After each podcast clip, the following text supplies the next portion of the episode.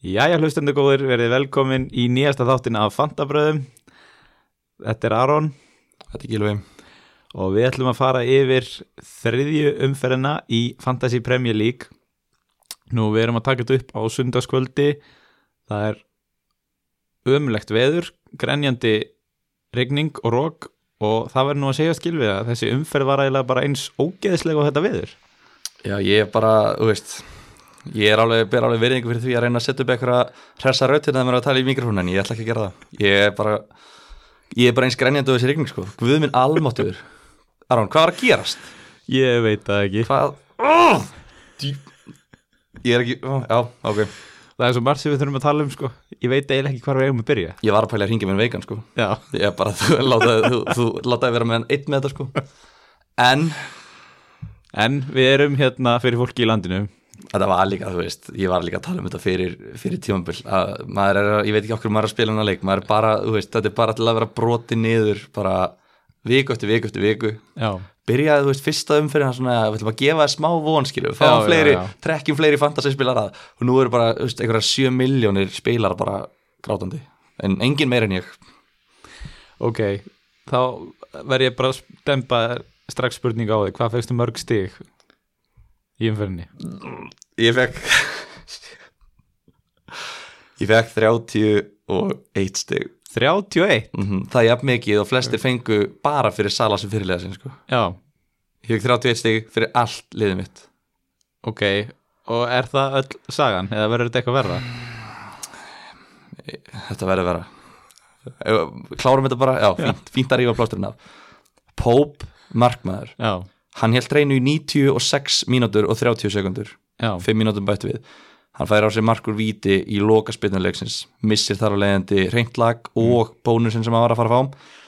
Þannig að ég fekk 2 stig fyrir hann en ekki ykkur 8-10 stig Lukatinho Coleman Ég ákvaða, herru, ég er ekki búin að segja henni sem frá því sko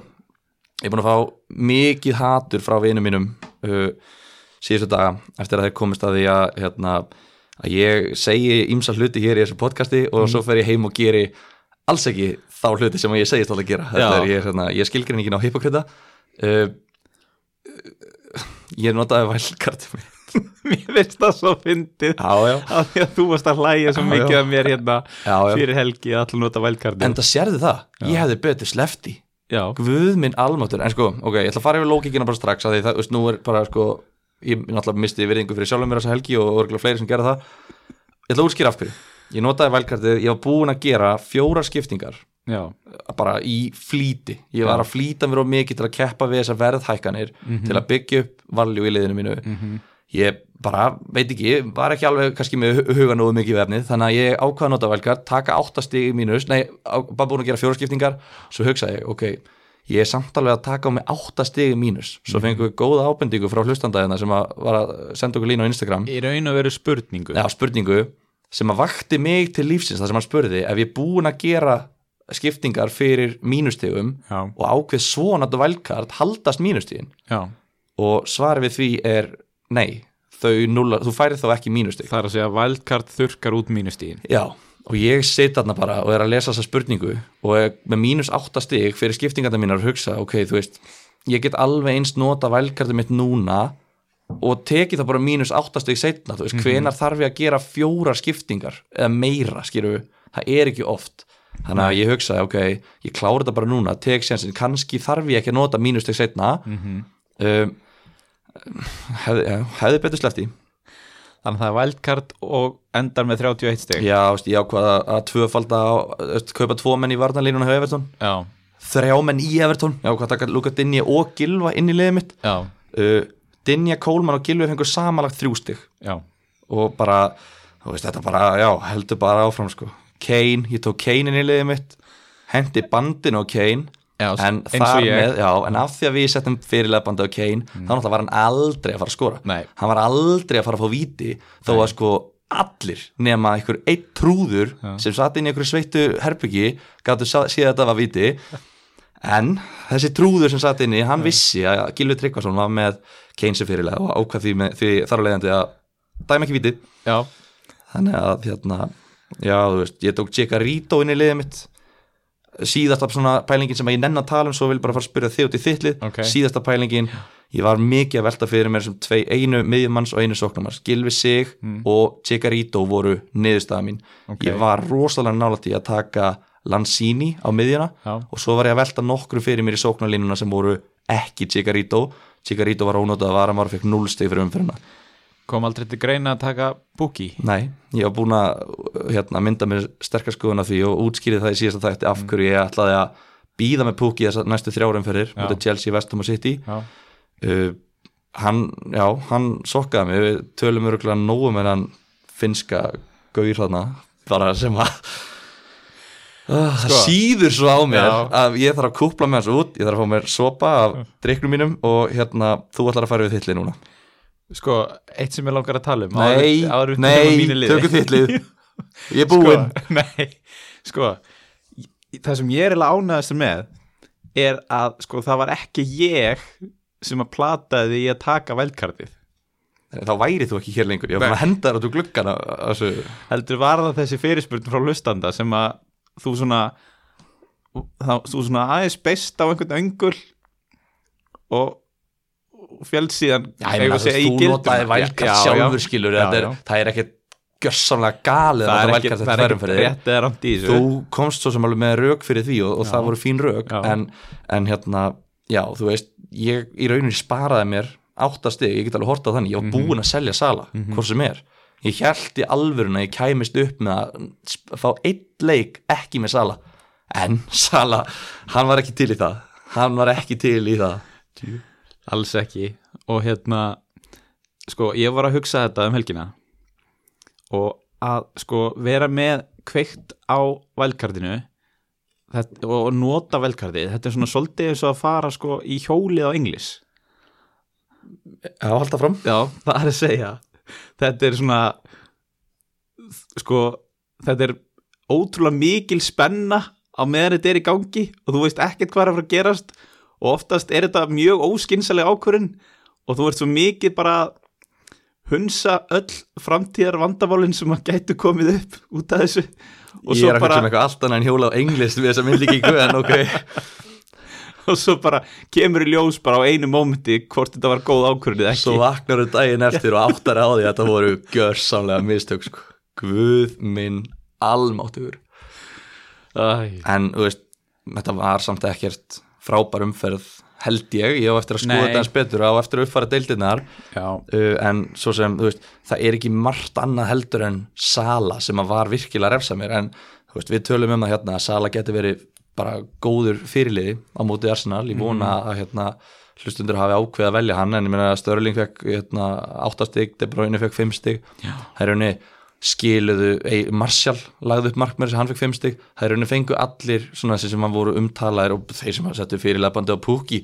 við tölum, það var einhver sem að spurði hvort hann ætta trippulkaftin á Pukki í umfyrinni og við sem hart nei en 11 stig fyrir trippulkaftin, það er fínt svo sem allir fengu stig nema Kane já, það var eini það er svolítið þannig og ég er svo sem var búin að segja þér eftir 20 mínútur á þessu leik það var bara spurning hvort hann fengi eitt eða tvö stig fyrir leikin það var bara spurning hvort hann myndur sleppa við guldspjald Já, við sluppum við það þannig að kannski ættum við bara að vera jákvæðar eftir allt en förum í þittlið Herru, já, ég, fekk, ég var ekkert mikið skárið, ég fekk 41 já, uh, ég var með sko 5 í vörð pluss náttúrulega markmanninn og enginn af þeim hjælt reynu ekki góð umferð til að velja 5-4-1 leikir við Nei og þetta það, svona, það var aðalega það og fyrirlið valið sem að meiti mig mest það er að segja Kane uh, svo var ég með Todd Cantwell á bekknum sem að fekk sjöstig ég græta nú ekkert allt og mikið hann Nei. kemur inn í liði fyrir næsta leik Nei, þú, þetta er samt alveg 7 stig, þetta eru 5 Já, stig já. sem hann hefði veist, auka 5 stig eru alveg góð sko, myndur þú segja að þú ert með Sebajos nefnilega í, í byrjunliðinu Já. myndur þú segja eftir á að þetta hafi verið einhver Arsenal stuðnismennar gleru sem að letu þið takis ákvörun eða eða Mm. að vera með miðjumann í Arsenal á móti miðjumann í Norvit sem kostaði 4,5 skilur við Sko, ég er nokkuð vissum að í síðasta þætti þá hafi ég sagt hérna að ég sagði fyrir mér að Cantwell væri sennilega að fara að fá svona 5 stig úr telsileiknum, sennilega að fara að leggja upp eitt mark sem er þetta ótrúlega vel spotta, Já, ég, er ekki hann- alveg, ég var ekki alveg sammálaði hann fekk hérna 7 náttúrulega skoraði mm -hmm. um, þú veist, ég veit ekki Sebajos leit bara ve- mjög vel út í börnuleiknum Já. mér fannst ég ekkit mér finnst þetta ekkert far off að velja hann Nei. í byrjunliði frekar og meðan við erum að tala um Cantwell bara að því við þurfum ekki að eða kannski kortir í hann Nei. myndir þú segja núna, ég held að það sé komin í 4,7 miljónir Já. núna, getur það ekki passað myndir þú segja, að því hann er komin með í þremur leikjum, hann er að spila þarna, framalega á miðjunni Mm kantinum, Já. eða eitthvað sliðis og hérna hann er komin með eitt mark og tvær stóðsendingar í fyrstu þremur leikjunum, myndir þú segja að það væri þess virði að gera kaup eða eða gera skiptingu taka kantvel inn, skýrðu að, mm -hmm. að því yfirleitt þá lætur maður þess að ódýru kalla bara vera í liðinu sínu, skýrðu er ekkert að fókusa mikið á að skipta þeim Já, myndur þú segja að það væri þess virði að fara að skiptunum taka hann inn já, fyrir eigða skiptingu í þennan ódýra miðjumann skýru, skýru hvert þeir fara í staði Já. fyrir að ta- vera að pæla í þessum dýru til að maximæsa skýru eða þú veist mér finnst þetta bara frábær frábær fantasy kall þú veist, ég meina, kostar 4,6 en þá hækkar sennilega í nótt þeir, 4,7. okkar, okkar diggustu hlustendur sem að munu ná þessu núna í sunnudas, á sunnudaskvöldi þeir, Já. þeir gætu ná því þannig að hérna já, ég meina, hann fer í byrjunlið hjá mér í næsta leik lang besti valkosturinn af þeim sem kosta þú veist, byrjuði í 4,5 getum við sagt Já. þannig að hérna, ég sé ekki hvað þú veist, þetta er bara svo frábær leið til að eignast pening, hvort sem það er 1 miljón eða einhvern meira, bara annars staðar á vellinum nema náttúrulega við sem að tala um að þú, þú, þú sért með einhvern á fjórgófiðum þú ert Já, kannski já. með Den Donker, flesti sem eru með hann já, að fara að skipta honum fyrir Campbell einmitt ég, þú veist, ég myndi gera það en okay. það er kannski bara því þú veist, ég veit ekki, mann er hættir til að lítast betur á þá sem eru í sóknar sinnara hlutverki Já, já, klárlega, þetta er, Já. þetta er klárt valjú í þessum gæði, sko alveg bara 100% mér finnst líka bara, ég meina Norvits er búin að skora sex mörk í fyrstu þreim leikjunum þrátt fyrir að eiga þú veist, Chelsea og Liverpool þar inn í Já, þannig að að eins og ég segi hérna, sagði í síðast þætti ég meina þeir eru svolítið bara að reyna að skora fleiri en anstæðingarnir og ekkert að pæla mikið í því hvað þeir fá á sig sko Nei, nei. þannig að það er algjörlega flott að vera með menn fram á því svo liðsliði yes. Eitthvað meira í liðinu um, ég meina ég var með Volker Peters hann fór meittur út af rétt náði 60 myndunum sko Já, um 61 skráða ok og hérna sjálfsögur fekk tóttinum á sér marki ég bara, ég trúði þess ekki sko. Ég skil ekki að þetta hefur komið mér á óvart Þetta er einhverju mestu, sko Þetta liðir aldrei að fara að halda hreinu Þau verður Nei. með null hrein lög í lók tímabils Tóttunum Heldur Þeir, það? já, nei, auðvitað ekki Nei. En þeir verða með svona þrjú Þeir eru ömulegir við vorum eitthvað að tala saman yfir leiknum og ég var að segja bara, býst, Davidson Sanchez þetta er bara eitt lélegasti varnamann í deildinni Já, það kemur bara því miður niður á Volker Peter skallum minn, sko og hann var bara, þú veist, hann var bara heppið látt ekki reyka sig út á hann þegar Japanin var að sleppa í gegn Já, þannig á Newcastle já Æ, ég veit hann ekki, allavega, já, var ekki, átti ekki sinn besta dag Já. og hérna þessi mér finnst þess að tóttinam sé að þetta er alltaf það saman en maður yfirleitt náður einhvern veginn að krafsa fram sigur, en þetta er, þeir bara býða eftir að þeir gera þetta á móti Astovilla, þeir gera þetta á móti City, þeir gera þetta núna og mér, fannst- mér, í minningunni gera þeir þetta nokkru sinnum í fyrra býða, veist, eru bara eitthvað að lulla sér bara á, sko, eins og þetta sé bara á fjórum á hlaupabrettinu, svo fá það þessi mark og þá fara þeir samt upp í bara svona átta, Já. fara bara létt jók, mér finnst ég aldrei sjá eitthvað svona ákjafði í tóttinam og Kane er þetta bara eitthvað, þú veist, vertu bara inn í teignum já, ég vil ekki sjá þið þarna fyrir utan, vertu bara inn í teignum og skora hann náttúrulega bara jafn þreyttur og við á að horfa á það sem er að gerast þarna fyrir utan Kast, þetta er bara alveg sko. þetta er bara, þetta var eins og að horfa á Arsenal fyrir svona tíu árum, bara svona hægt handbólta stimplun fyrir utan tegin ekkert að gerast fyrirgjafinnar ömulegar þú veist, í- hvað áttu er, tvær tilraunir á marki allan leikin og voru nánast með boltan allan tíman eitthvað sko. svo það var alveg sko. skelfilegt sko, en ekki það að ég náttúrulega gleðst yfir þessu tapi á tóttinum svona, Já, ég, ég, tökum ykkar, fantasy til leðar í ykkar baráttu um, um fjórastætti breytti ekki miklu máli fyrir mig en hérna, þú veist þessi Kane sko, þetta er bara þetta er svo, gjörs, þetta er ekkert nema hjarðhægðun Já. sem að allir því að ég tók hennan Kane ég sá að hann var að fara að hækka til dæmis margir búin að taka hann inn, ég hugsa ok, ég ætla aðeins að verja mig fyrst ég get nota vældkart hann er búin að hækka Já, af því ég er aldrei að fara að fara að stilla því upp eins og núna, ok, það sem ég er að hugsa núna Sala er ekki í liðinu mínu Já. ég þarf bara ég þarf bara virkilega að breyta liðinu mínu til að ná Sala inn og eina leiði mín til þess er að selja Kane ég er ekki að fara að selja Störling, ég er ekki að fara að selja De Bruyne, ég er ekki að fara að selja Martial ég verð að selja Kane, en ég myndi aldrei gera þetta öfugt ef ég ætti ekki vælkart, ég myndi aldrei fara að hrópleika við liðinu til að koma Kane inn, fattar en nú er ég með hann út af því að allir aðrir eru með hann og þeir eru allir með hann út af því að allir, þú veist, þetta byrja bara einhver einn gæja ákveður, Já. ég ætla að kaupa Kane Já. svo, svo kemur nummer tvö, heyrðu það var einhver að kaupa Kane, ég ætla að gera það líka og svo er ég bara nummer, þú veist, 100.000 eitthvað bara að lappa inn í bara dauðan og þú veist, ég get ekki beðið eftir að losa mig við hann bara Er strax, það? ég veit ekki hvað ég var að hugsa að taka hann inn, en ég get ekki beðið eftir að losa mig við hann, Hann á Arsenal næsta leik, skorur alltaf á mútið þeim ein, já, ég meina, þú veist ég veit Og- ekki með það Ágættis fimm leikir eftir það ég meina,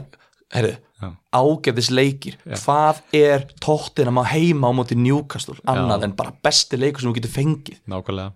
þú veist, Ok, reynum að halda aðeins þræði hérna ekki að missa okkur í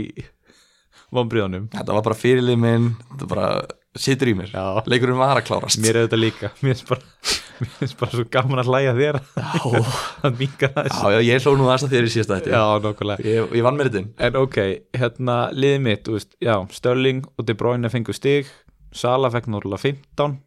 hefði verið best að skella bandinu á hann. er það? Er það? Jesus. Og já, já, þú veist, svo bara eitt og tvö stig hann í vörninni, Dinje og Sinchenko og eitthvað. Þú veist, Lundstram, vinnu þinn, hann hérna fekk 0 stig, já, en hann fær nú svolítið frýtt spil bara hann, kostar ekki neitt og... En já, já, þú veist, hvað hva hefur að tala um? sorry, ég, so, ég sónaði aðeins út af Já. því að ég er að reyna að ná mig niður sko, ég er að reyna bara að telja upp í tíu og eitthvað svona uh, eitt sem að mér lang, við lang, eh, virkilega langar bara að klára það líka Já, uh, með smá dómar innbútt með var Mhm. ekkert eitthvað dæmi en fa- reyna að sjá það frá fantasy sjónarhóttni Mhm. ok, ég talaði maður hérna fyrir fyrir mót, við vorum að veltaði fyrir okkur hvað áhrif var gæti haft á fantasy Já. skilur, hvað, le- ég meina, Saha hvað fekk hann mörg víti, Sala, hvað fekk hann mörg víti í fyrra, þú veist, Já. hvað hafa sér, veist, það er ákveðni leikmenn sem eru að fiska víti, Mhm. svo erum við alltaf að hugsa, ok, hver tekur vítin, gott að vera með hann af því hann tekur vítin, það er Einmitt. góð pluss einmitt. um, og ég, ég, við vorum að tala um það fyrir tímabila þú veist, já, þú veist, þetta er punktur sem við verðum að taka inn í öfnina kannski mun þetta auka vítin og kannski verður ennþá meira valuable að vera með vítaskiptur í liðunum í fantasy Einmitt. ok sko, ég, ég vissi svo sem að ennsku gæðinir, þeir þú veist, hérna voru ekki að fara að hafa þetta eins og þetta hefur verið í mörgum mótum, Mhm. að þeir ætluðu ekki að dæma eins mörg víti og áður var, en ég held nú samt að þeir myndu dæma víti þegar þetta er víti Já, ég sá víti á móti Manchester United nei, hjá Manchester United sem maður átt að fá að fengu ekki ég sá víti sem að Manchester City átt að fá en fengu ekki ég sá víti sem að Tottenham átt að fá en fengu ekki blákalt mat frá stuðnismenni Liverpool sem gæti ekki verið meira saman með þessi lið þetta er bara víti já, og ég veit að líkilatriðið í þessu vari er að þeir ætla bara að breyta þegar þetta eru augljós mistök þeir ætla ekki að breyta þegar þetta er eitthvað svona já, mér finnst þetta að vera víti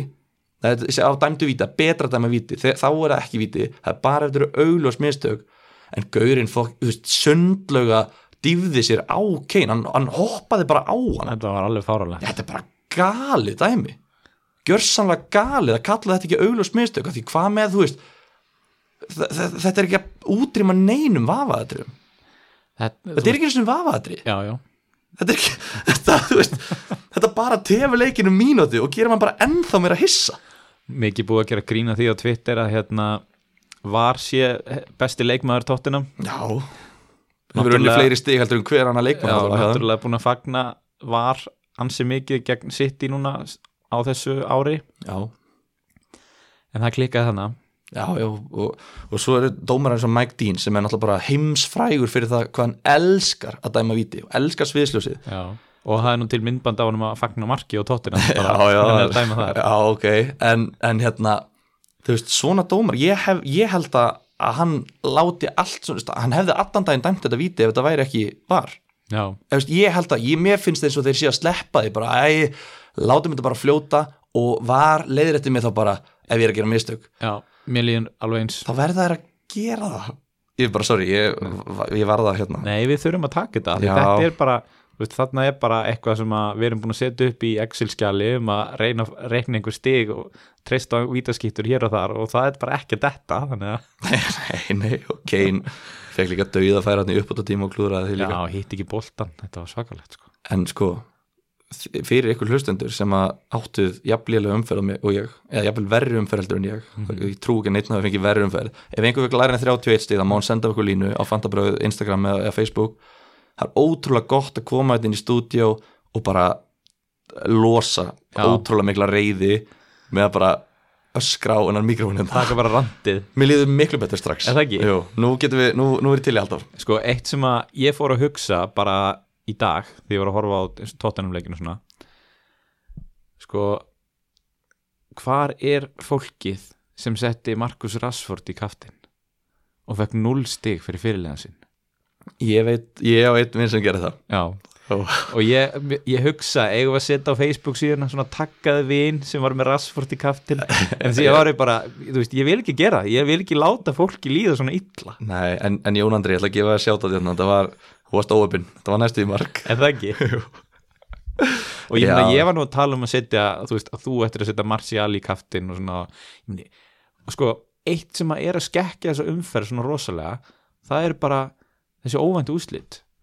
Já, það og náttúrulega skorturinn á þú veist, að, fólk, að liðin sé að halda hreinu það voru þrjú lið sem heldur hreinu Aston Villa, Southampton og Newcastle Ég meina, það hefur sagt mér fyrir umferðina bara nefndu þrjú lið sem eru ólíklegust til að halda hreinu Já. þá verður nánast verið þessi þrjú já nánast algjörlega, og Arsenal Já, nákvæmlega En bara, þetta er, og sama í síðustu fyrr, hvað voru tvölið sem heldur einu í síðustu fyrr? Já, ég held að Og það var ekki Leopold City, Nei. það voru einhver önnulið Þannig að veist, þetta er kannski, nú getum við kannski tekið hvernig, sko, við tölum um template Já. Við ætlum að vera rosalega íslensku miðar hérna og, og þýða mástu hugtökin Já, ef maður þarfst að gera, en template, ég veit bara ekki einu sinni íslenskt orð fyrir það en hvernig svona, þú veist, eins og í fyrra þá var þetta þannig að, þú veist, dýrir varnamenn voru með langmesta valjúið já, og bara það var ótrúlega gott að vera með marga dýr og með Robertson, Mendy uh, Alonso í byrjun, svo kvæðlega portsterkurinn, margi trend náttúrulega Já. styrlar, en ég held persónulega að það myndi bara halda áfram ég held þetta væri, ef við verum ennþá í þessu svingi þar sem að bakverðinir eru með fáránlega mikið valjú ég meina það voru allir búin að tala um það fyrir tímbilið Allir að bara taka tvo varnamenn í liðbúl Já. og taka alla port og vera bara þú veist, vera, all, vera með fjóra varnamenn sem kostuðu 6 miljonir eða meira Já, og ódýra hérna, ódýra sóknamenn Já. og sko, ég ætla ekki að segja ein umferð sér að gjörbreyta alveg hvernig maður hugsaðar en þetta er mér sýnist þetta að vera að breytast ég ætla ekki að segja að þetta er búið að breytast ég, ég ætla að gefa þessu aðeins lengri tíma en þú veist, mér sýnist svona eins og svona miðjuverðs sóknamenn séu líkillinn í þessu, á þessu ári Já, ég meina Pukki er bara að drepa okkur sko. Já, já Veist, Við bara, að því mér finnst í alvegni, mér finnst ekki að það sé rétt ákvörð eða mér finnst ekki eins og það hafi verið góð ákvörðun að taka púki inn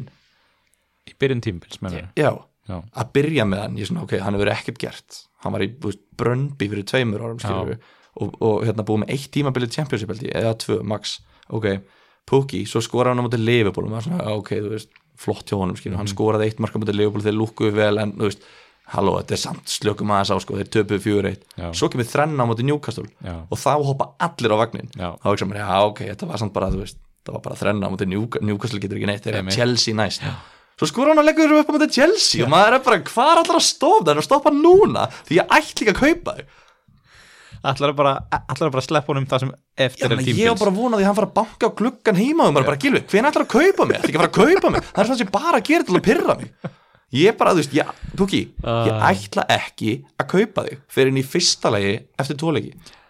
Þú Ég er verður- ekki að fara að taka hann inn núna þegar hann á Vestham sem eru reyndar, þú veist, með slopp í vörð og sitt í þannasta leik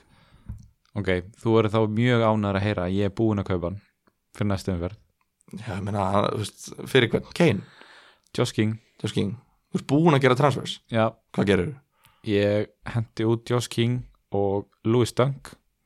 Ok, uh, og tók inn Pukki og Martin Kelly aftur aftur þetta er rosalega, þetta er rosalega mikið bara svona, ups, ég gerir mig stökk ég ætla að leira þetta og fara aftur í það sama og ég var með, Já, en nema bara já, Kelly sko uh, Gary Cale kom inn í byrjunliðið Já, Kelly samt spilaði við hliðin á honum í Já. hjarta varnarna Scott Dunn var settur á bekkin Já. maður hefði haldið að Kelly að að Hodgson væri rauninu bara býð eftir að geta hent Kelly á bekkin Já, en þeir eru ennþá með Sago og Tompkins sem eru off já, já ég er reynda glemt að fletta upp hvenær þeir kom inn en eins og staðan er núna sérstaklega fyrir þá sem að eiga vælkartið eftir mm þá myndi ég klálega að segja Kelly, gott valjú uh, Sinchenko, gott valjú þú veist þessi Já. gæjar það er svona það sem ég er leiðastur með að vera búin að skila velkartinu mínu nú get ég ekki tekið Sinchenko inn, fattaru Akkur ekki að því að þú veist, þ- ég vil hafa fattaru, ég vil geta nota vælkartið mitt til að losa mig við alla short term skilur Já, já. Ég, það, mér veist mjög sniðut að spila, stilla liðin upp þannig fyrstu umferðinar vera, vera með nokkra svona skyndi bara stu- stutt tíma vandamál Einmitt. Sinchenko hann er líklega ekki að fara að spila 38 leiki verið sitti á tímabilinu, þú veist, ég efa það hann, en það er allt í lagi að því við vitum að hann spila fyrstu leikina, hafa hann bara og svo, svo kannski allt í einu hættir Sinchenko, Kelly, Lundström kannski þetta er allir út úr liðin á sama tíma Já, þá er gott að nota valkart Einmitt. nú er ég búið með valkartið og ég ákvað að velja nokkra solid ge- gaurar sem ég veit að er að fara að spila ég geti einhvern veginn ekki tekið Sinchenko bara og beðið eftir að hann fara út úr liðin aftur en ég var alltaf Einmitt. brjálar ef hann spila 38 leiki og ég er með 5,5 miljónkrona varnamann í sitt í sem að ég er ekki með nákvæmlega að Ég hugsa þetta svolítið þannig að sko, Luka Dinje, Sinchenko og pff, Walker Peters myndu vera svona þeir þrýr varnamenn sem að ég myndi byrja meira Já. að minna og svo varu þessir hinnir tveir sem kosta fjóra miljonir væri svona ef þeir eiga fína leiki að þá get ég sett á í liði sem meðal annars mér finnst alveg réttlætilegt að setja Martin Kelly í liðið í næsta leik þar sem hann á Aston Villa heima um, Já, er þeir ekki búin að skora í allan leikunum? um, Jú, sannlega Er það ekki? Tottenham, Bournemouth og núna Everton Já, Þannig að, þú veist, en að sjálfsög Kristalpalas heima á móti aðstofil að þú hugsar þetta er, þetta er góð viðrögg. Æ, ég meni þetta er 50-50 þú Já. veist, nánast Ég meina þú ert ekki að fara að velja uh, Tottenham vartamannina sem á Arsenal úti næst. Þeir eru nú líka búin að skora í öllum leikunum. Þannig að ég, ég, ég sé mikið valjú í að hafa tvo fjögra miljón krona vartamenn. Já, það er það sem ég er að gera Já, þannig að ég bara, ég fíla það. Þú stendur vel. yes. Ég veit nú ekki með það Betur en ég að það Já. væri. Úff. annar, eitt eitt sjátt sem, eða svona ég ætla að kasta fram einnig til auðvitað með vardamann ég er að sjá fram á að bóli í Wolves Já, á 5 miljónir mm, þetta er bara einhver bónuspunkta segull ok hann fekk, ég held að hann fengi tvösti í bónus eftir eitt eitt jafntæfla á móti börnleg þar sem hann gerði ekki neitt Já, og svo ég held að hann sé líka sko, hann fekk held ég þrjá hann er allavega þetta er eitthvað bónusskæði sko, hann fær rosalega mikið af bónusstöfum, ég veit ekki hvað það er ég á eftir að hellast út í það hvort það er fyrir tæklingarnar hans eða hreinsanendarnar hans, af því að þú veist, bónusstöfin sapnast upp, já, já það eru litli hluti sem að valda því, Já, skilur Þrjú er bónus hérna fyrir fyrsta leikin Já, þannig að þegar að Wolves heldur hreinu þá er hann yfirleitt þarna eh, að taka flest bónustig en það komið rosalega óvart. þó að það gerir eitt eitt jafntefli þá er hann samt að fá tvö stig í bónus og þeir, þú veist, ég meina þeir eru að Everton næst og Everton eru búin að skora eitt mark í þremur leikjum Já, ég, ég, mér finnst allavega sko mér finnst valjöfu bóli en allavega ég, ég er allavega mikið núna að horfa til ódýrari varnamanna því ég er með ég er með Dinje sem er þetta stigaðistur svo er ég með Van Dijk og Laporte Mhm. og með það einn af Dinje er eini af sko topp 11 stigaðistu varnamennunum hinga til sem kostar 6 miljónir eða meira já, nákvæmlega þannig að Nákvæmlega, Þa, það, sko, þetta er sennilega stærsta ástæðan fyrir því að mér líður vel með að hafa tekið vældkartið núna losa bara þessa dýru varnamenn og Já, liðból já. sem ég var með alveg rétt bara úr liðinu, setja peningin annar staðar og þú veist, Kane klikkaði núna en þú veist, að- mér held bara tölfræðin tala sínu máli og hann fær þessa fimm leiki hjá mér þú veist, eftir aðsennleikin til að sína hvað hann getur og ef hann skorar ekki ég minnst að kosti þremur af þeim að þá eh, verður hann sparkað aftur Já. það er bara það- eins og ég hugsa dýraleikmenn ég vil ef, ef, hann- ef, þú- ef þú kostar meir en 10 miljónir þá vil ég að mér líði vel með að hafa þessum fyrirlega Já, mér líður alltaf vel með Sala sem fyrirlega mér hefði liðið vel með hann sem fyrirlega heima átti Arsenal mm og mér, líður vel, mér er búið að líða vel með Störling sem fyrirlega í öllum umfyrunum já, Kane, ég var meira sér að setja ég setti bandið á núna heima átti Newcastle Mér leið, ég var bara skýt stressaður já Þú veist, ég, mér, ég bara býð eftir að fá tvö stig Þetta, mér finnst líka bara svolítið gaman að við höfum rætt þetta í síðasta þætti, annarkvort væri hann bara 2 eða 34 Já, er ná, bara, þú veist, það er og það við sem þetta fengum er. bara vestu útgáfan á hann í dag Já, þetta er bara nákvæmlega það sem þetta er Svo koma bara tvö mörg úti á móti þú veist, Liverpool eða eitthvað Já. þegar þú átt síst von á því þannig að þú einhvern veginn fyrirlega stíðin er ekkert mikið að koma þar skilur Störling, þú veist hann er bara að taka þessir minni lið og hann er bara að virkilega meða Já. þau Sala, þú veist, hann skora bara ef hann er heima þetta, þá bara skora hann Já, og þannig að það er svona það sem er mjög veist óþægilegast við Kane já, ég sá einmitt tweet í dag þar sem einhver sagði bara ég hata að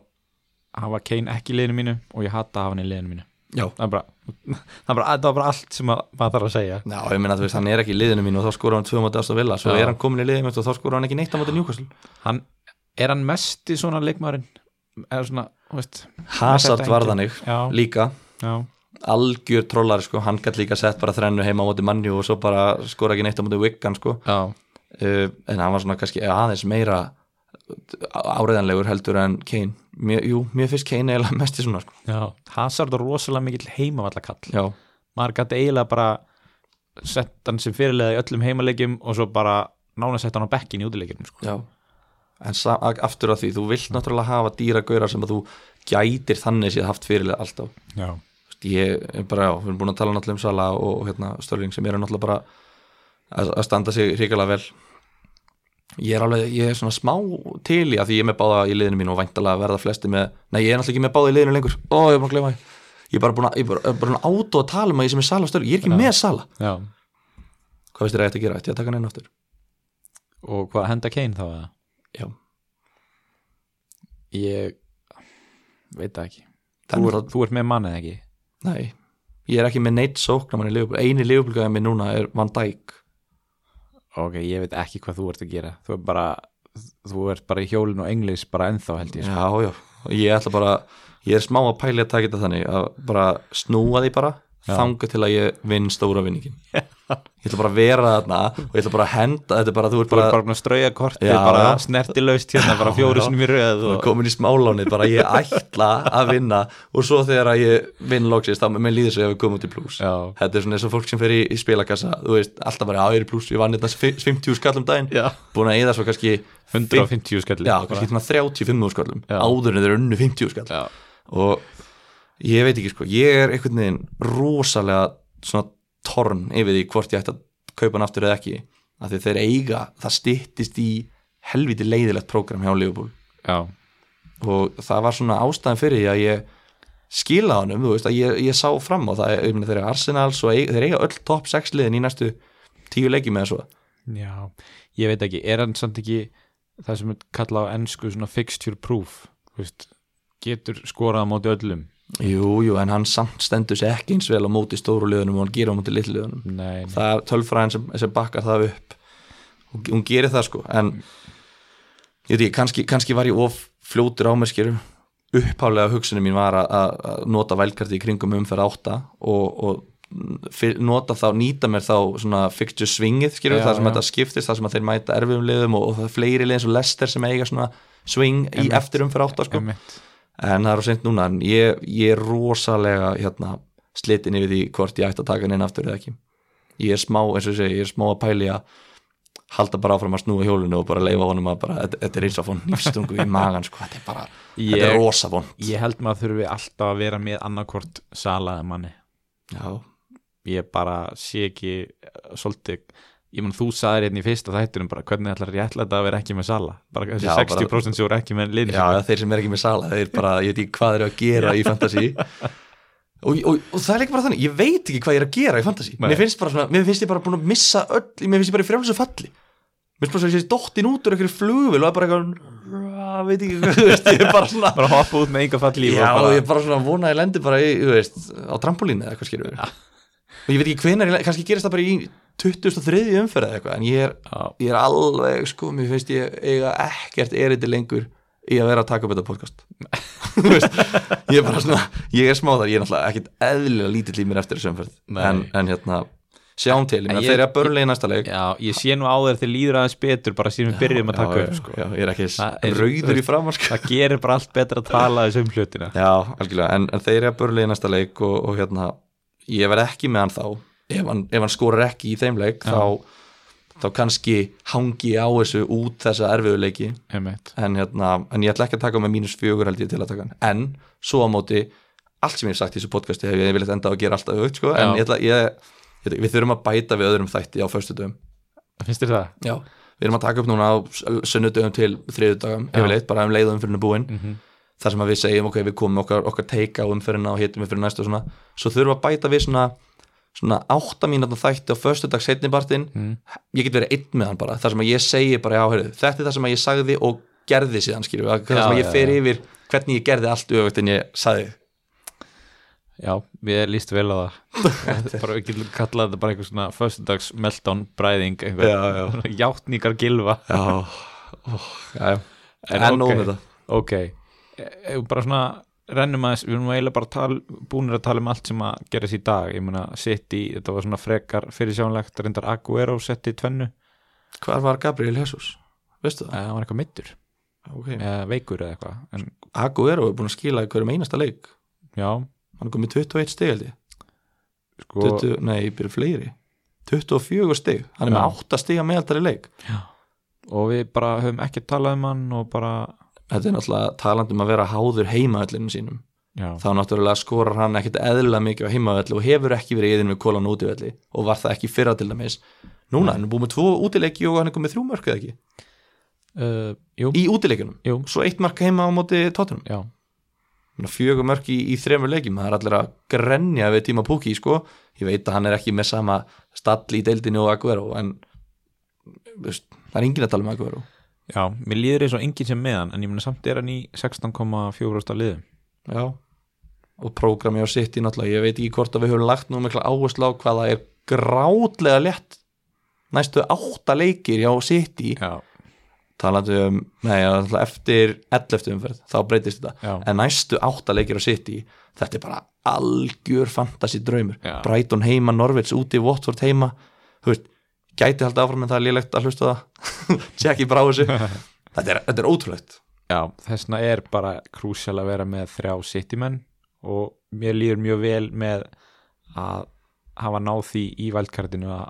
vera með þrjá við sitti Já, náttúrulega Störling og De Bruyne en ég fór að hugsa það svona áðan væri alveg gali að vera með Störling, De Bruyne og Aguero Það var ekkert galið, ég meina við hefum verið miklu sáttar að vera að vera með Aguero heldur en Kane til dæmis í dag Nei, ég satt mjög kyn Ég er algjörlega, en svo hugsa maður þú veist, ég meina, þeir, þeir skiluðu allir í Já, dag, hvenar sér maður það gerast, kannski ekki oft en ég veit það ekki Nei, ok, en Liverpool Arsenal sástu eitthvað þar, var einhver sem að svona, kannski heitlaði þig, voru svona pæli að taka inn þú veist Svo heitir hann ekki Niklas Pepe Jú, Já, það er ekki eðla góður hann Ég var svakaleg vákvæði var hrifin, bara tæknina hans og hraði þetta er bara, hann var rosalega mér varst hann ótrúlega góður í þessum leik Já, hann var að tala um að þegar hann keftur að bara svona, já, nú erum við að fá gæja sem kann að rekja boltan, bara alvöru driblara Já, mér varst hann bara Vá, hvað hann getur það Já, en hann alltaf klúðraði döiða færi Já, á móti hérna, Adrian í markinu sko. ég, ætla, ég er ekki að segja að taka hann inn strax nei en ég ætla að segja að fylgist þér rosalega mikið með honum Mhm. mér finnst ólíklegt að hann sé að fara að koma það mikið upp í umræðina að maður segja já, seldu þetta bróinu til að taka Pepe skilju, að Það- þeir eru í, s- í söpu verflokki Það er svolítið málið, þeir eru í sama verflokki og maður, það er rosa erfitt að réttla allavega núna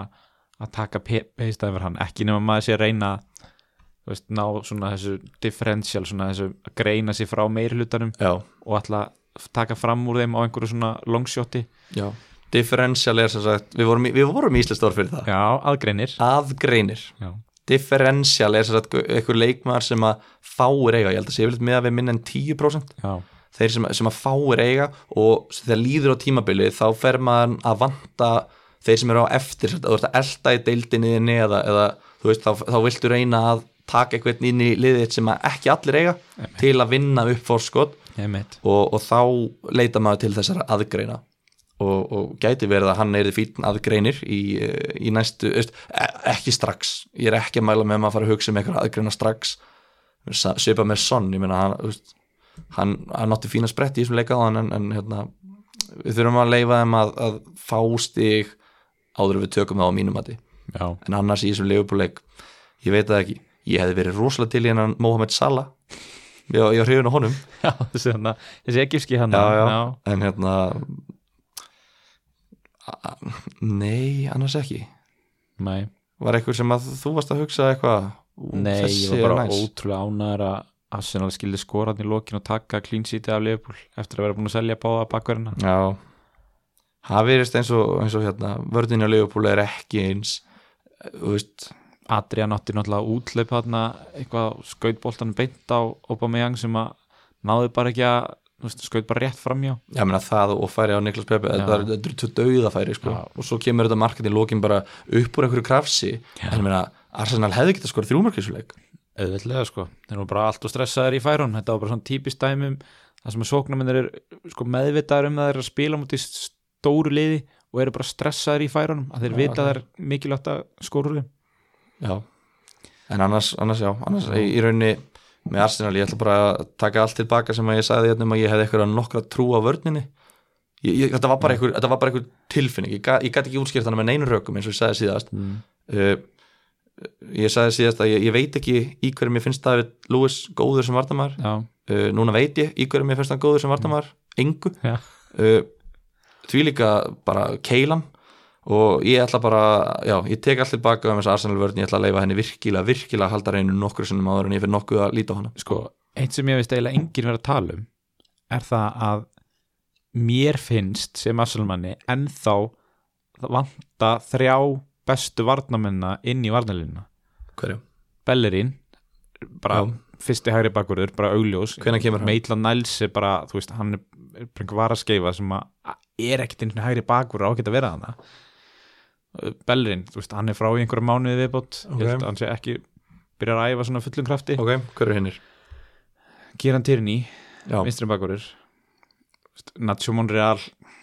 ég veit ekki, hann hefur ekki, kannski ekkert verið lélugur það sem aðverðin, ég menn hann er bara ekki að fara að gera neitt á móti Sala og, og þannig gæðum nei, nei, um, og svo er ég ég veit ekki, mér finnst Rob Holding ég vil sjá hann í liðinu bara þegar hann ke- er orðin klár sko ég var, mér var að fara að gruna og myndi segja Mustafi, sko, ég var bara svona ekki, er hann að fara þangað þannig að ég, allt annað Mustafi, þá mér er lett ég veit ekki með Róbólding, ég, ég, ég, ég bara hef ekki síðan nóg mikið Rob Holding spilaði mikið í fjármanna varnalínu á þessum kapla í fyrra það sem er náði einhverjum 20 leikjum án taps Já, þú veist, og var bara jafn besti varnamæður þeirra þá þannig Já, að já. ég bara vona hann kom inn í liði Ég veit ekki hvort það verði fyrir Sókratis eða David Lewis nei, en eiginlega sama hvort það verður fyrir að þá á mér eiginlega bara eftir að líða betur að sjá annarkoð þeirra fara úr liðinu ok þetta er bara of sko, þetta er Þetta of er alveg mikill ó- grillað af þetta pass þetta er of mikill óútreiknarleiki bara í Já, einu já. hafsendapari Já, en það, það er góð punktur að, hérna, að við, við sjáum þegar þeir koma inn hvort að vörnum hún eitthvað breytast Emitt. og það er svona eftir United leikin í leikviku 7 þá koma hann að nokkrir alveg góði leikir í röð fram að já,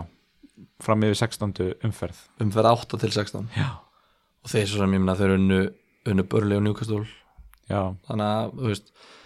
þeir, þú veist, það kannski hefur líka svolítið vantað í Arsenal þeir náttúrulega geta ekkert á móti hinum top 6 liðanum ég man ekki hvað var 21 eða 3 leikir í röð án þess að vinna já, já. eitthvað svoleiðis en þeir hefur ekki líka verið svolítið að þú veist að þeir hafa ekki náða að klára leitluliðin Jú, ég menn þetta hefur bara verið allt bras á milli og svo náttúrulega bara voru skelvilegri útivelli bara nánast tvö tímbili röð Já. já, En við sjáum til. Hættum að tala um aðsuna ég er að dreifa hérna reyðinni Herru, Mason Mount skoraði og það er gæi já, ég svona finnst pínu leiðilegt að ná honum inn ég er ekkert svektur af því að ég var aldrei hann á hann einhvern mekkin veginn- já, ná honum ekki Já, uh, Eh, það er eitthvað leiðilega að ná hann ekki heldur en að ná hann ok, með svona mátt sko já hérna já, ég var sérst aldrei nálagt í að sérst, ná að koma honum fyrir í liðinu Nei. og þannig að ég er ekkert eitthvað bílaslega svektur en síðan þegar maður kíkir á prógram hjá Chelsea þá er maður bara, oh, hvað er ég ekki með hvað Chelsea mann Ég meina við vitum samt alveg svar við vitum alveg af hverju við erum ekki með Já, Chelsea já. við, við, við, tölu, við, það, við vissum ekki neitt hvað var að fara að gerast frammi, Tami Abraham byrjar, svo byrjar Giroud svo byrjar Tami Abraham, við vissum ekki neitt hver var sóknamann nummer eitt, við vissum ekki neitt hver var hérna í hólunni nummer eitt hvort það var Barkley Já. eða Mason Mount Já. við vissum ekkit um þetta, núna erum við að sjá ok, ég meina Barkley átt að byrja út af Nú, Pe Pedro átt að byrja inn á, það var Ok. búið tilkynna byrjanliðið, svo Já. meiðist Pedro í upputun þannig Ok. að Barkley kemur inn í hóluna og Mason Mount fer út á kant í staðinn þannig að, þú veist ég held að við séum farnir að sjá það núna Mason Mount er gaur sem að Lampard treystir hann veit Algjörlega. hvað hann fær frá honum hann var með hann í Darby í fyrra hann veit nákvæmlega hvernig leikmærin er og hann segir, ok Mason Mount, þú ert tilbúin að spila fyrir Chelsea í úrvalstildinni Mhm. þó þú varst bara eitthvað að sprikla einn í Championship í fyrra, ég treysti þér og ég held líka sérstaklega með svona unga gæja þú ákveður að sína þeim traust já, það þarf aðeins meira til að taka í traustið frá þeim að því það hefur meira áhrif held ég á svona unga gæja heldur en að segja bara eitthvað David Lewis, come Já. on, ríðu í gang ég Já. verð að setja á bekki núna, hann verður bara eh, gaur, hvað það gera skýrðu já, þannig að ég held að Mason Mount sé likillinn í, í Chelsea liðinu eins og er, Tammy Abraham setti tvö er hann ekki bara strækir nummer eitt ég get alveg satt þér að byrja næsta leik já, ég er alveg, ég er alveg 100% um það Já. uh, sem er á móti Sheffield á heimavalli Mhm. og, og við, við erum að tala um þessa, þessa 6,5 til 7,5 sóknamenn sem að Mhm. voru heldur betur að- að standa sér vel í þessari umferð já, ég, ég er ég er að komast eins og ég var að segja ég er að komast inn á það sko, að, að reyna bara að taka hans til í vörninni ge- þú veist, spara með pening þaðan já, og jafnvel bara fara bara í fimmanna góða miðskjöf, ég er með dendonker núna á 4.5 eins og mjög margir aðrir ég er að pæli að reyna að fá bara 5 góða miðjumenn, ná Já. bara inn kannski Mason Mount í staðan verið dendonker og, já og, en þeir eru búin að ná að að búa til pláss fyrir Sala mér líður svolítið þannig mér líður eins og 3-5-2 sé svona s- besta leikkerfið já og meira Í dag. að segja sko ódýrt þrýr já, og svo 5 og 2 skilur við já Að- að- svona kannski 1 á 6 miljonir síðan 2 rótirir já, eitthvað svoleiðis Já. Þú veist, við þurfum eins og er þar að segja eins og er höfum við bara ekkert að gera við við einhverja dýra vartamenn og, Nei. og annar punktur nú er Evrópadeildin þú veist, Wolves er búið að vera reyndar í Evrópa- Evrópadeildinni meistaradeildin er ekki farin á stað það er ekkert ok, ég er þetta að fatta núna, þetta er bæði með og á móti en það, sko, þ- þegar rotationið byrjar já, og þreita og menn fara, þú veist, þá er yfirleitt svona usual suspect sem að spila þú veist, ég- nokkuð sem að vanda ekki byrjar allar leikið til þess já, já Trent geta alveg verið kvildur hvena sem er og hann hefur verið gerð uh, til dæmis í hérna ofabyggar leiknum þá var byrjað trend út af Já, og hann, he, hann hefur alveg hann, hann getur alveg kvílt trend og sérstaklega á móti kannski í liðum sem, sem að mun, mun sækja meira, ég veit það ekki um, en sko, já, þegar að það kemur inn að þá náttúrulega fara liðin líka að vera kannski meiri þreita og þá er kannski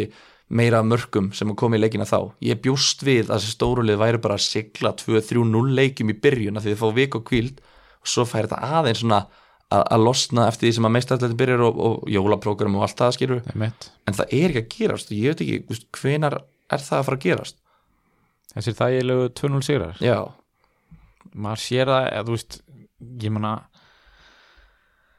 jújú, það voru lið sem heldur reynu í, í fyrstu umferðinni en síðan er þetta búið að vera bara þú veist, ótrúlega skrítið eiginlega síðustu tverju umferðir bara, bara, tvö lið í annar umferð og þrjú Já. lið í þriðju umferð Já. og allt bara skrítin lið Já. þú veist, við erum að tala um Sheffield United og Aston Villa sem er stóru aldrei- liðin sem að dýri vartamennir er í sem að flestir ætlu að treysta á þau eru bara að leka mörgum já, og þau mörg eru bara ótrúlega dýr til að fá á sig þegar maður er að treysta á þessi clean sheet stig klárlega. þetta er mikill höfverkur Já, ef að tala eitthvað um næstu umferð já hvað höfum við að segja um næstu umferð hvernig, Fyrsti hvernig hefur leikurinn. að spá í spilin fyrir næ, þú veist, hvað er maður að fara að segja Sko, fyrsti leikurinn er Southampton United Hva, Hvernig líst þér það? það kemur ekkert óvart ef Southampton myndi vinna það kemur ekkert óvart ef Manju myndi vinna það Já, kemur ekkert óvart ef þetta fara í jafnabli einn nægst tveir er það að fara í þetta? Nei, nei, Gilvi Gískar nei, nei, nei, ég er bara að segja þú veist, Þetta er bara það sem þú varst að segja Þú veist að getur farið hvernig sem er Þú ert með Martial eða ekki Já, sem fór meitt, hann fór ekki meittur út af því þið voru búin með skiptingarna sína Já, já, já. hann meittist í lokin ég vona nú að hann fá að spila Óli Gunnar sagði eftir leik að hann var ekki alveg viss hann sagði bara ég vona að sjó og Marcial æfi Já, já, og hann held eitthvað aftan í lærið ég veit ekki hvort hann sé að togna eða í lokin á okkur leik eða hvort hann fengi eitthvað högg hann er mertu 75% líklegur til að spila næsta leik Ekki það að það kemur nú betur í ljósi í vikunni Já, ég ætla að fylgjast með og hérna, ég kannski fjallum þetta bara í föstudagstætti gil og tryggva þar sem að ég fer yfir allt sem að ég ætlaði ekki að gera og kannski lauma ég inn hérna svona fréttum, Já. fréttamannafundum um, Chelsea, Sheffield United uh, 2-1 fyrir Sheffield vantalega, ég veit það ekki, Lundstram þú veist, það það, það, það, það það er ekki hægt að spána eitt í þetta skilur, Nei, en, nei. en fyrirfram er þetta náttúrulega frábær viðraug já, og, og hérna, miða við náttúrulega prógrami sem Chelsea á og hafa átt síðan bara eftir fyrstu umverð á móti mannjú þá hafa þær átt þægilegt prógram uh, Sheffield heima þetta ætti ekki, þetta ætti ekki að gerast mikið þægilega ég held að ef þú ert að pæla í að taka inn einhvern um Chelsea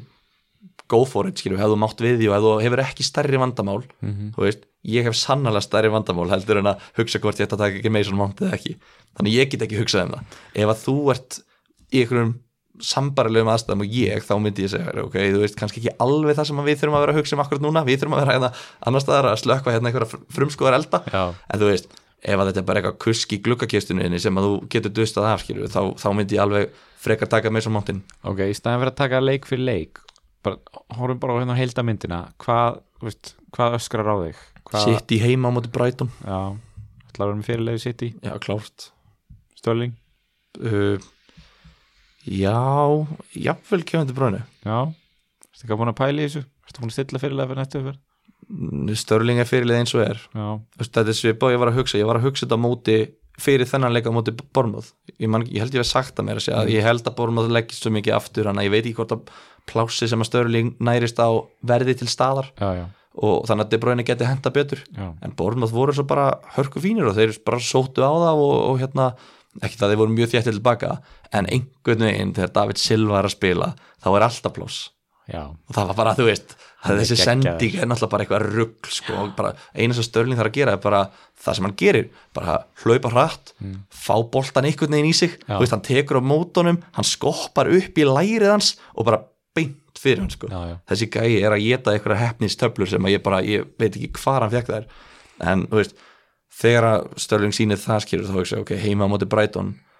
ég reiknum að það verði ennþá þéttara en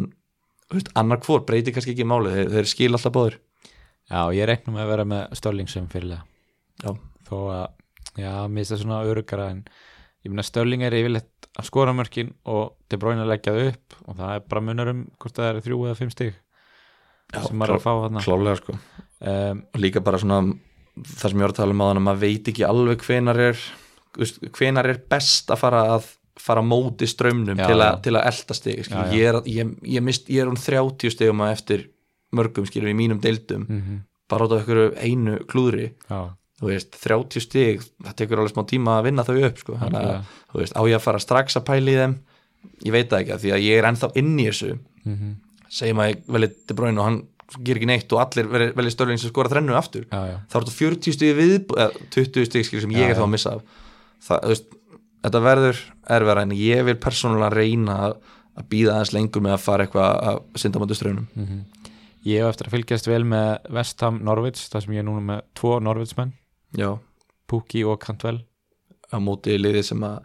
er ekki þekkt kannski fyrir að halda hreinu Nei, á, bara getur fengið á sig mörk í öllum leikjum og svona þannig að Vestham unnur endar Votvort núna en vá, vá, hvað Votvort líta illa út já, ekkert smá sko, þeir voru að skora sitt fyrsta mark var það ekki á síðast tímbili sem að þeir byrjaði á fjórum sigurum í röðu eða eitthvað jú, síðustu tvö tímabil hafði það Já. byrjað mjög vel sko Já, og svo bara fara þeir vill að chilla um áramótin og bara pæla ykkur allt öðru það er sko. alveg ótrúlegt en núna, já, ég meina og það er orðið heitt undir sætinu hjá hérna, Gracia þjálfara Já, þannig að, já, Votvort, ég meina ég er bara guðslífandi fegin að ég hafi selt til og fegi úr, úr uppáðsliðinu mínu á, á síðustu sekundu sko. frábært fyrir Newcastle að fá Watford hana í heimsókn eftir sigurinn á Tottenham að fá bara sennilega lélegasta liði í deildinni í heimsókn gæti verið frábært Já, en gæti líka akkurat ekki henda þeim já, já, við veitum það ekki, en ég sé smá sko, vestam er eða góða, gott leikjaplan Mhm. og ég var, eins og sé, ég valdi Chigarito sem að var ónótaði varamaður en þú veist, ég var, ég var að pæla í Lanzini til dæmis, já. Lanzini er held ég á 6,5 miljónir, ég held að sé ekki búin að hækka að lækka 6,5 miljónir Lanzini, sko, hann er lungin að fá bónustig hann er komið tvær stóðsendingar held ég í, í ja, þrejum leikjum, ég veit ekki hvað hann er búin að spila á þessum leikjum, Já. nákvæmlega þetta er gæði sem að ég er mjög hrifin af og þessi Hall er hann frammi já. uh, skoraði tvö mörg í síðasta leik mér fannst það fín, ég sá hann á mútið sitt í mér fannst bara fíni taktar í Haller, hann er stór og hann er bara fín, hann er búin að droppa mér sem er í 7,4 Svona algjör tankur já, og ég meina, þú veist, skoraði tvö mörg og bara, þú veist ég, einhvern veginn, ég held að Vestham gæti verið lið sem að þú getur horta á þú veist, næstu áttan, áttan fyrir eitthvað svo liðis Já, en mér finnst það erfitt með prógramið sko þeir eiga, eiga litt svona, Norvits og Aston Villa næstu tvoleiki, já, svona já, þeir eiga þægilega tvo og svo svona mannjú heima eiginlega trikki fjóra og svo þægilega þrjá og svo einhver svona só, sósu bara byrjuðu erum við að horfa á sama leikjaplan eða Já, hvar, hvar, hvar sér þú Hall er ekki skora mark í, be- segðu mér leikin, við erum að horfa á þetta hérna. segðu mér í hvaða leik frá 4 til 12 hann er ekki að fara að skora ég meina, það er ekkert víst að skora á múti United heima Það er Hva, ekkert af víst því að að- United hjælt treinu á móti Chelsea það er reyndar- þegar þeir gáttu fengið á sig tvö mörk í bara fyrstu 20 mínúndunum og hjældu ekki hérna á móti Wolves og ekki hérna á móti Kristapalas Ég held að sem hún haldar hreinu einu sinni síðasta átjónleikjum Já, ok, ég ætla að segja að þú sétt bara búin að raukstiða það af hverju hann er að fara að skora á móti mannjú Já, að þú veist, jú, jú, auðvitað getur hann skorað á múti hverjum sem er Það er bara ég, ég held ekki skýrðu, en ég held að hann geti skora á móti þessum liðum sem hann er að fara að mæta Þú veist, ég held að hann geti ekki skorað á móti Liverpool Nei, eða City nei, nei Eh, og hann er ekki að fara að mæta þeim en, þú veist, já, ég veit það ekki ég, hann er allavega Lanzini er svona gæðin sem ég er að horfa akkur núna mm en þú veist, Haller, ég meina, kannski var þetta hefni kannski, ekki, kannski skora hann í næsta leik og, og þá fara allir að tala um hann, ég veit það ekki sjáum til Herru, Everton og Wolves Ert þú að fara inn í næstu umferð með þrjá Everton menn liðinu? hmm, ég, þú veist, ég verði eiginlega að gera það Já, ég er með Kane frammi og ég er með Gilva sig á miðjunni og til þess að ég nái Sala þá verð ég Selja að, ég Gylfa. verð að uppfara Gilva já, Þess, ég, get, já, ég já, er ekki fara að uppfara Givin De Bruyne ég er Já, ekki já. fara að upp- uppfara Martial já. Gilvi að Guðin sem að ég verð því miður just, ég, ég, ég var nálægt í að taka hann í byrjun náða að sleppa, ég var ánægð með hann ég sagði, herru Gilvi, þú ætlar að sína mér af hverju þú ert í Gilvi sko. Já, já. Ég, hérna, við Gilvi stöndum vel í samanskjöfu Okay. og hérna, gerði það ekki í fyrstu tveimur og ég, svo ákvæði ég að sína hann út tröstið og hann stóð ekki við það aftur skilur hann ég er svona, ég veit ekki en svo veit ég að um leið og ég sel Gilva þá kemur eitthvað rugglu, bara slumma upp í skeitnin sko, bara býði bara eftir því, um leið og ég sel hann, þá kemur að því þannig að þið sjá Gilva, klína hann upp í skeitin þá veit ég, já, er, ok, þetta því er að Gilva er búin að losa sig við hann, já, mér liði allavega vel að að Gilvi og Vilfríð Saha gerðu ekki neitt um helgina Það sem ég var að selja þá já, mér, mér finnst báðar sóknarleinar, Everton og Wolves ég, mér finnst þetta geta verið núluleikur sko. já. Everton er bara búið að skora eitt mark Fekk Saha stóðsendingu fyrir hérna marki á PVA Uh, ég veit það ekki alveg PVA með sjálfa sér náttúrulega í liðinu Hann er svo geggjaður sko. heldur hann hafi fagnað þessu marki fyrst og fremst út af því að þetta þýttu stig Herðu, hann tvítaði bara ha- eina sem hann skrifaði var bara hashtagið og nafni á liðinu S- liðinu hans í fantasy bara PVA doing bits og og hann er svo harður, hann er svo grjótharður hann setti alla þrjá júnetmenna í liðinu sínu á bekkin að þeir voru að spila búin til Pallas Ég meina, hann verður að gera það hvað ætlar, hvað ætlar að horfa veist, ef að þú ert að dekka Rassford og hann Já. skorar og svo sér einhver, einhver netgæi skilur við að bara já, heyrðu, hann er með Rassford inn á Já. Þú veist, hann, það er allir brjálaðir sko, Já. veist hvernig fólk er kannski, ég var ekki búin að pæla þessu ég var að setja bara grjóthart múf ég meina, gekk upp, það var ekki margir sem að gera það. gæti, og ég veit að ég bara kasta þessu fram og hvorugur okkar er sá sem að veit mest um það Mm. gæti Marshall tekið næsta vídeo á United er ég oflitaðar að því ég er með hann ég veit það ekki ég, sko þetta, er- þetta er komið í svo mikla ringa vitleysu núna þetta er alveg, þetta er alveg bara, ég veit ekki einu ég sinni hvort, nenni ekki eins og að tala um þetta aftur Nei. ég, er bara svona, ég veit ekki einu sinni hvort Óli Gunnar veit hver næst, tekur næsta víti sko. nei, ég fór bara ég fór að hugsa þetta sko. af hverju ekki Marshall, mér finnst svona Æ, ég veit ekki, ég, ég sé ekki fyrir mér hann, ég, ég held að hann sé með svona uh, bara sjálfströðst gerur, ég held að hann Já. trúið því bara þegar hann fyrir punktin hann skori, ég efast um að Pogba eða Rashford trúið því næst þegar að fara punktin virkilega 100% trúið því, já, ég er að fara að skora þessi viti, Úf, ég get bara ímyndu verið að þetta sé svo orðið svo mikið mikið hausverkur og mikið bara svona eitur í klefanum já, einhvern já. veginn. en já en hvernig, svona, hvernig líður með liðið þitt fyrir næstu umferð sko mér líður nefnilega vel með liðið mitt, Já. ég skoðaði hérna um leið og, og hérna, deadline var á föstudaginn, já, þá kíkti ég, ok, þú veist, nú- liðið mitt klárt hvernig lítur út fyrir næstu umferð já, ég, ég, ég, ég geri það yfirleitt bara strax ég, eh, við erum náttúrulega forveikir og ég gerði það sama Já, bara hérna, þannig að ég, ég sá, ég bara, hm, þetta lítur hrikalega vel út fyrir næstu umverð. Já. Svo náttúrulega spilaði Chikarito ekki neitt og þú veist, þeir eru að Norvits heima já, þannig að ég svona ég veit ekki hvort hann sé að fara að spila næsta leik, ég veit ekki af hverju hann, hann- en hann byrjaði síðasta leik mm Já, veist, í umferð 2, ég veit ekki hvort hann sé að vera að spila eða ekki þannig að ég svona fyrir utan það, ég meina já, mér líður bara vel, mér veist þetta bara fínir leikir fyrir alla, eiginlega stærsta áhugjefni mitt er bara hvort að Kane skori útivellum út Arsenal og það, ef það er stærsta áhugjefni mitt þá, þá finnst mér ég bara ekki í góðum málum því að hann gerir það yfirleitt einmitt En ég, mér er bara sama, mér líður vel með hérna mitt lið uh, allir vardamennir eiga heimaleg uh, ég ætla að hafa Adrian í markinu og já, vonast til þess að þeir nái að halda hreinu Ma, maður heldur nú einhvern veginn þú veist, því fleiri leikir sem líða þess að þeir fá þessi mark þeir lítur bara að styttast í þú veist, hreint lag Já. það getur bara ekki annað verið með þessa vörn sko. en já sko, ein spurning mm, ætlum við eða ætlum við ekki mm. að fara í gegnum heilt podcast án þess að tala um Asli Barnes minn mann ég legg til að þeir Já. hlustendur sem að er ennþá að hlusta hlusti á alla þrjá þættina sem við höfum tekið upp Mm. þar sem að ég segi í hverjum einasta þætti Asli Barnes er minn maður þetta er minn maður og ég hef sagt það frá byrjun hann er ótrúlegur maður ég vil bara að þið viti að ég þarf aðeins að peppa mig upp hérna, peppa upp sjálfströsti eftir, eftir þessum verð nefnir að við erum að tala um púki hérna alla daga, það er Já, allir já. púki, púki, púki Já. er þetta því hann er finnskur eða þú veist, þú ert að sög, af hverju er yngri að tala um Asli Barnes í, er, það, er það því hann skorar þú veist, ég, það eru þrjár, bara þrjárum fyrir búnar en ég ætla bara að segja, er þetta af því hann skorar yfirleitt bara eitt mark þú veist, púki er er, það ekki- er það alltaf búin að ekki- skora eitt mark Já, nema ég- einu sinni já, það eru bara þrjárum fyrir búnar hérna, líka upp að er þetta ekki bara af því að Pukki skoraði þessa þrennu og þá voru allir bara hei, Ótis Óknamaður sem er að skora þrennu, þú veist, ég ætla að kaupa hann Alls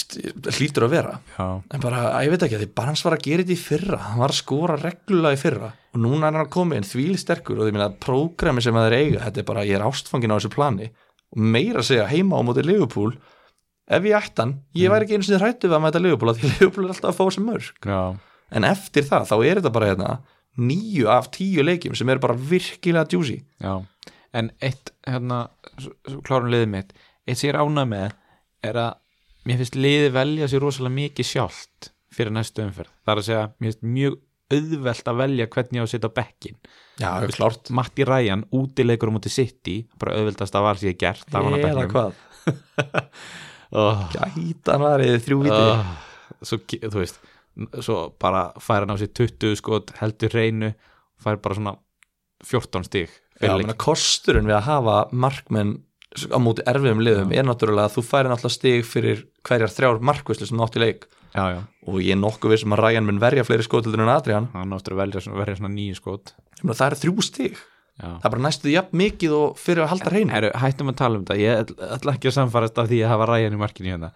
ok, Ryan, Ryan, svo er Ma- Ryan. Mason Greenwood sem er bara átó, átó alltaf á bekknum Það er s- uh, John Lundström vinnin, Chelsea útvelli ég sé það ekki halda hreinu en ég vona bara hann skor ekki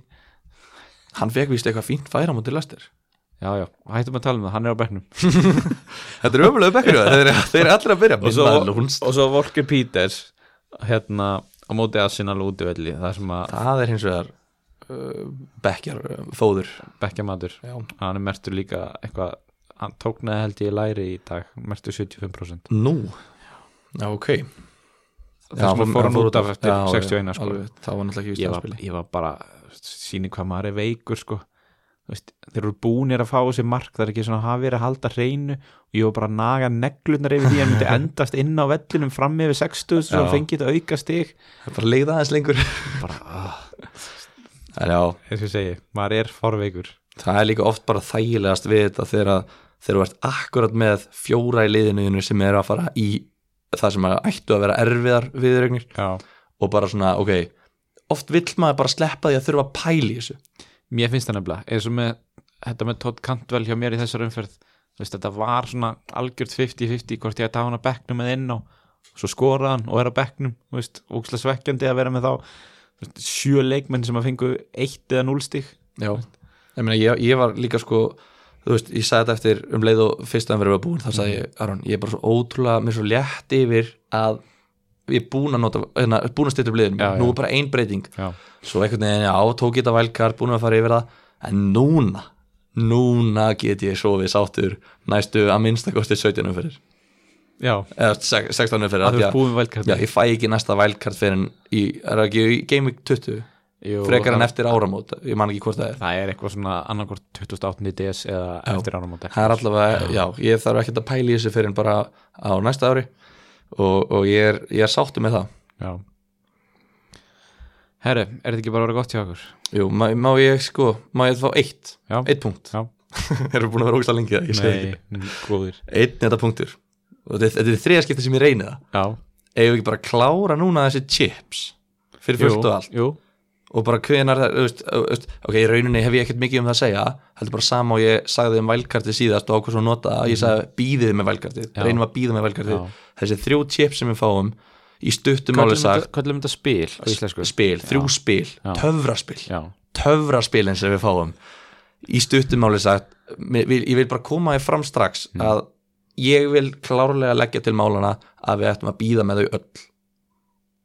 já, þanga til bara í síðustu fimm umfyrunum. Það er svona í stuttumáli býðið með töfraspilin ykkar þanga til í lokin já eða útskýraðu, stuttumáli já,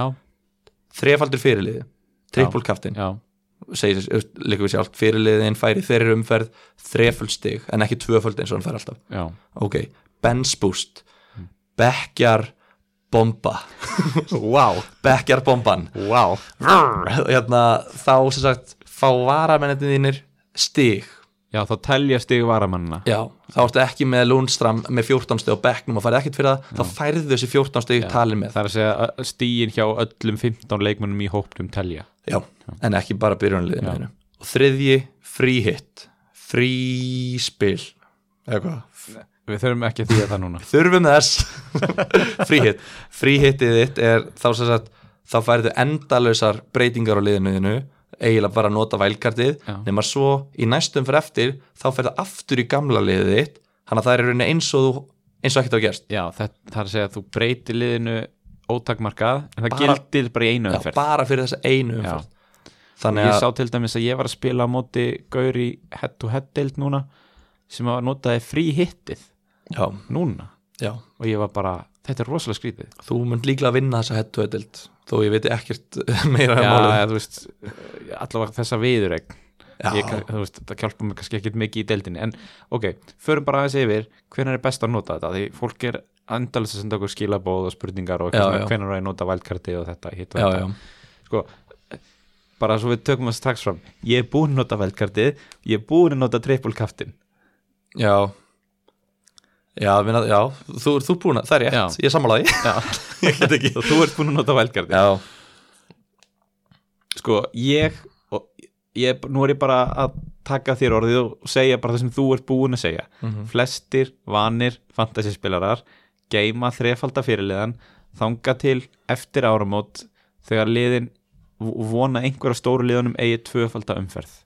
sem þau, sem þau eiga alltaf já, sem kemur alltaf fyrir Já. og oft hjá eins og City og, og svona út af frestunum þegar að liðin komast í 16 lögustið í meistaradildinu Já. þá þarf að fresta einhvern leik spila aftur í byggarnum og ég veit ekki hvað og hvað þannig að þá spila þau, kannski, segjum að það sé kannski umferð nummer 27 Já. þá fær Leifupól engan leik í þeirri umferð þannig að allir fá núlstíð þar en svo í umferð 28 fá þau tvo leiki, eða telja þessar tvei leikir í þeirri umferð í staðin einmitt, og þá er rosalega gott að nota kannski segjum að þessi tvei leikir séu bara, þú veist Aston Villa heima og Newcastle heima já, og þú ert með Sala í liðinu þá myndi ég segja að þá ert að fá í rauninni tvo, tvo sjensa fyrir Sala að skora þrennu, þannig að ef hann skora tvær þrennur þá ert að fá skilju 40 stig fyrir þreföld þá farið 120 öfgar já. en þið skiljið hvert þú við erum að er fara með náttúrulega alltaf mjög raunsar með þessar Liverpool tölur talar um hérna að Liverpool myndi vinna 5-1 um helgina þetta já og hvað fór, 3-1 það fór 3-1 Vá, Það- langt frá Heyrðu, maður. kallinn minn, þetta er ekki það sem var óraunsætt þú sagðir að Trent myndi skora 3 og Robinson leggjum 2 ég var þetta sko ég var, já já ég myndi það var En nálega já, Rópa já, saman er- eftir búin að leggja upp en allt í lagi sko, með fríhitti það sem ég myndi segja er að reyna að nota það að því það kom alltaf umferði svona seinti janúar, februar eitthvað svona, þegar deildabyggarinn úslitirinn deildabyggarinn mér eru svona oft þá koma umferðir þar sem að eru kannski bara fjóri leikir eða sex leikir eða eitthvað og þá er uh, svo að þú sért ekki að fá bara samtals 12 stig að því það eru bara fjóri leikmenn að spila hjá þér þá er ótrúlega gott að geta breytt liðinu í eina umferð og taka þá bara þrjá leikmenn úr þeim liðum sem er að spila og eiga þokkalega leiki og nýta þetta í það algjörlega hvað finnst þér? uh, Já, ég mun mjög líklega að horfa aðeins lengra en nákvæmlega sama konsept ég mun líklega að horfa eitthvað í kringum um fyrir 33 til 5 Já. af því að ég mun reyna eins og ég geta stilla upp þannig að ég náu sér að nota fríhitti mitt þegar það eru kannski fjóri leikir, það sem eru kannski áttalega að spila Mhm. og svo noti bensbústi mitt ég mun líklega að reyna að nota það þegar það eru tvöfaldar viðregnir að það koma nokkra tvöfaldar viðregnir í já, já. no, kannski Game Week 28 og 32 og 36 eða eitthvað svoleiðis. Í einni af þessum Game Weekum þar sem eru tvöfald, marg, mörglið að spila tvöfald Mhm. þá mun ég reyna að nota bekkin minn þannig að- Bekkjar bombuna bekkjarbombuna mína Já. þannig að ég fái rauninni þá vil ég helst vera með 15 leikmenn sem spila tvo leiki allir Já. hann er rauninni að fá 30 leiki já, já, þú veist, í staðan fyrir 22, nei, í staðan fyrir 11 segja ég. einmitt en eh, þú veist, nú ætlum ég bara að segja eitthvað sem að ég er búin að segja hérna aftur og ástafinn nota trippulkaftir þú veist, maður leggur þetta alltaf svona upp og mér finnst ég bara svo oft hafa lendið í því að þetta gengur ekki upp maður, þú veist, af því að það er þegar lið er að spila tvo leiki á fjórum dögum eða hvað það er þá er svo oft eins og með City það er verið að breyta liðinu endalaust og Mares kemur inn og De Bruyne spilar ekki og maður veit ekki hvað og hvað þannig að mér finnst bara fínt að vera búin með þrefalda fyrirliðan og vældkartið og svo er ég bara lakkaði bara til að nota bekkjabombuna og, og hérna fríhittið þegar það kemur Já, og, og bara, þú veist, það er líka bara ekkert rétt í þessu Nei. þú veist, ég- ég- maður getur bara verið hérna og kallað sig eitthvað sérfræðing og, og sagt allt allt í þessum, í þessum fantasi heimi sko, en svo er þetta bara líka þú veist, stundum gera slutir sem að, maður bjóst ekki við og stundum hefur maður rangt fyrir sér og stundum er gott að fara á mótið strömmnum, þú veist, það er ekkit oft sem að þú veist, það er til margir fantasi sérfræðingar í þessum heimi ég veist um að einhverjir þeirra hafi nokkuð tímann unnið leikinn Já, ég held að sé alltaf einhver sem að tekur upp á bara einhverju glórulösu skýru bara já þessi pukki, ég ætla bara að hafa hann frá byrjun af því það er enginn með hann svo bara skilar hann 35 stíðum fyrir því í fyrstu þremur leikjunum Þú veist, það, það eru þessi gæði sem vinna leikin já, og ég ætlaði nú að vinna ég þarf að fara fram úr einhverjum 1,3 miljónum spilarum eins og, eins og staðan er en, en hérna stundu þar maður að fara, fara ótróðuna slóðir já Skoðar alltaf að því það er hægt að smella á í hverju einstu umferð, það er hægt að smella á að skoða liði sem er sko stiga hæst í umferðinni já Skoðar það alltaf Já, þetta er orðið líka bara leik, þú veist, einhverjir sem að, þú veist, ég sé það alveg að eftir kannski föstudaginn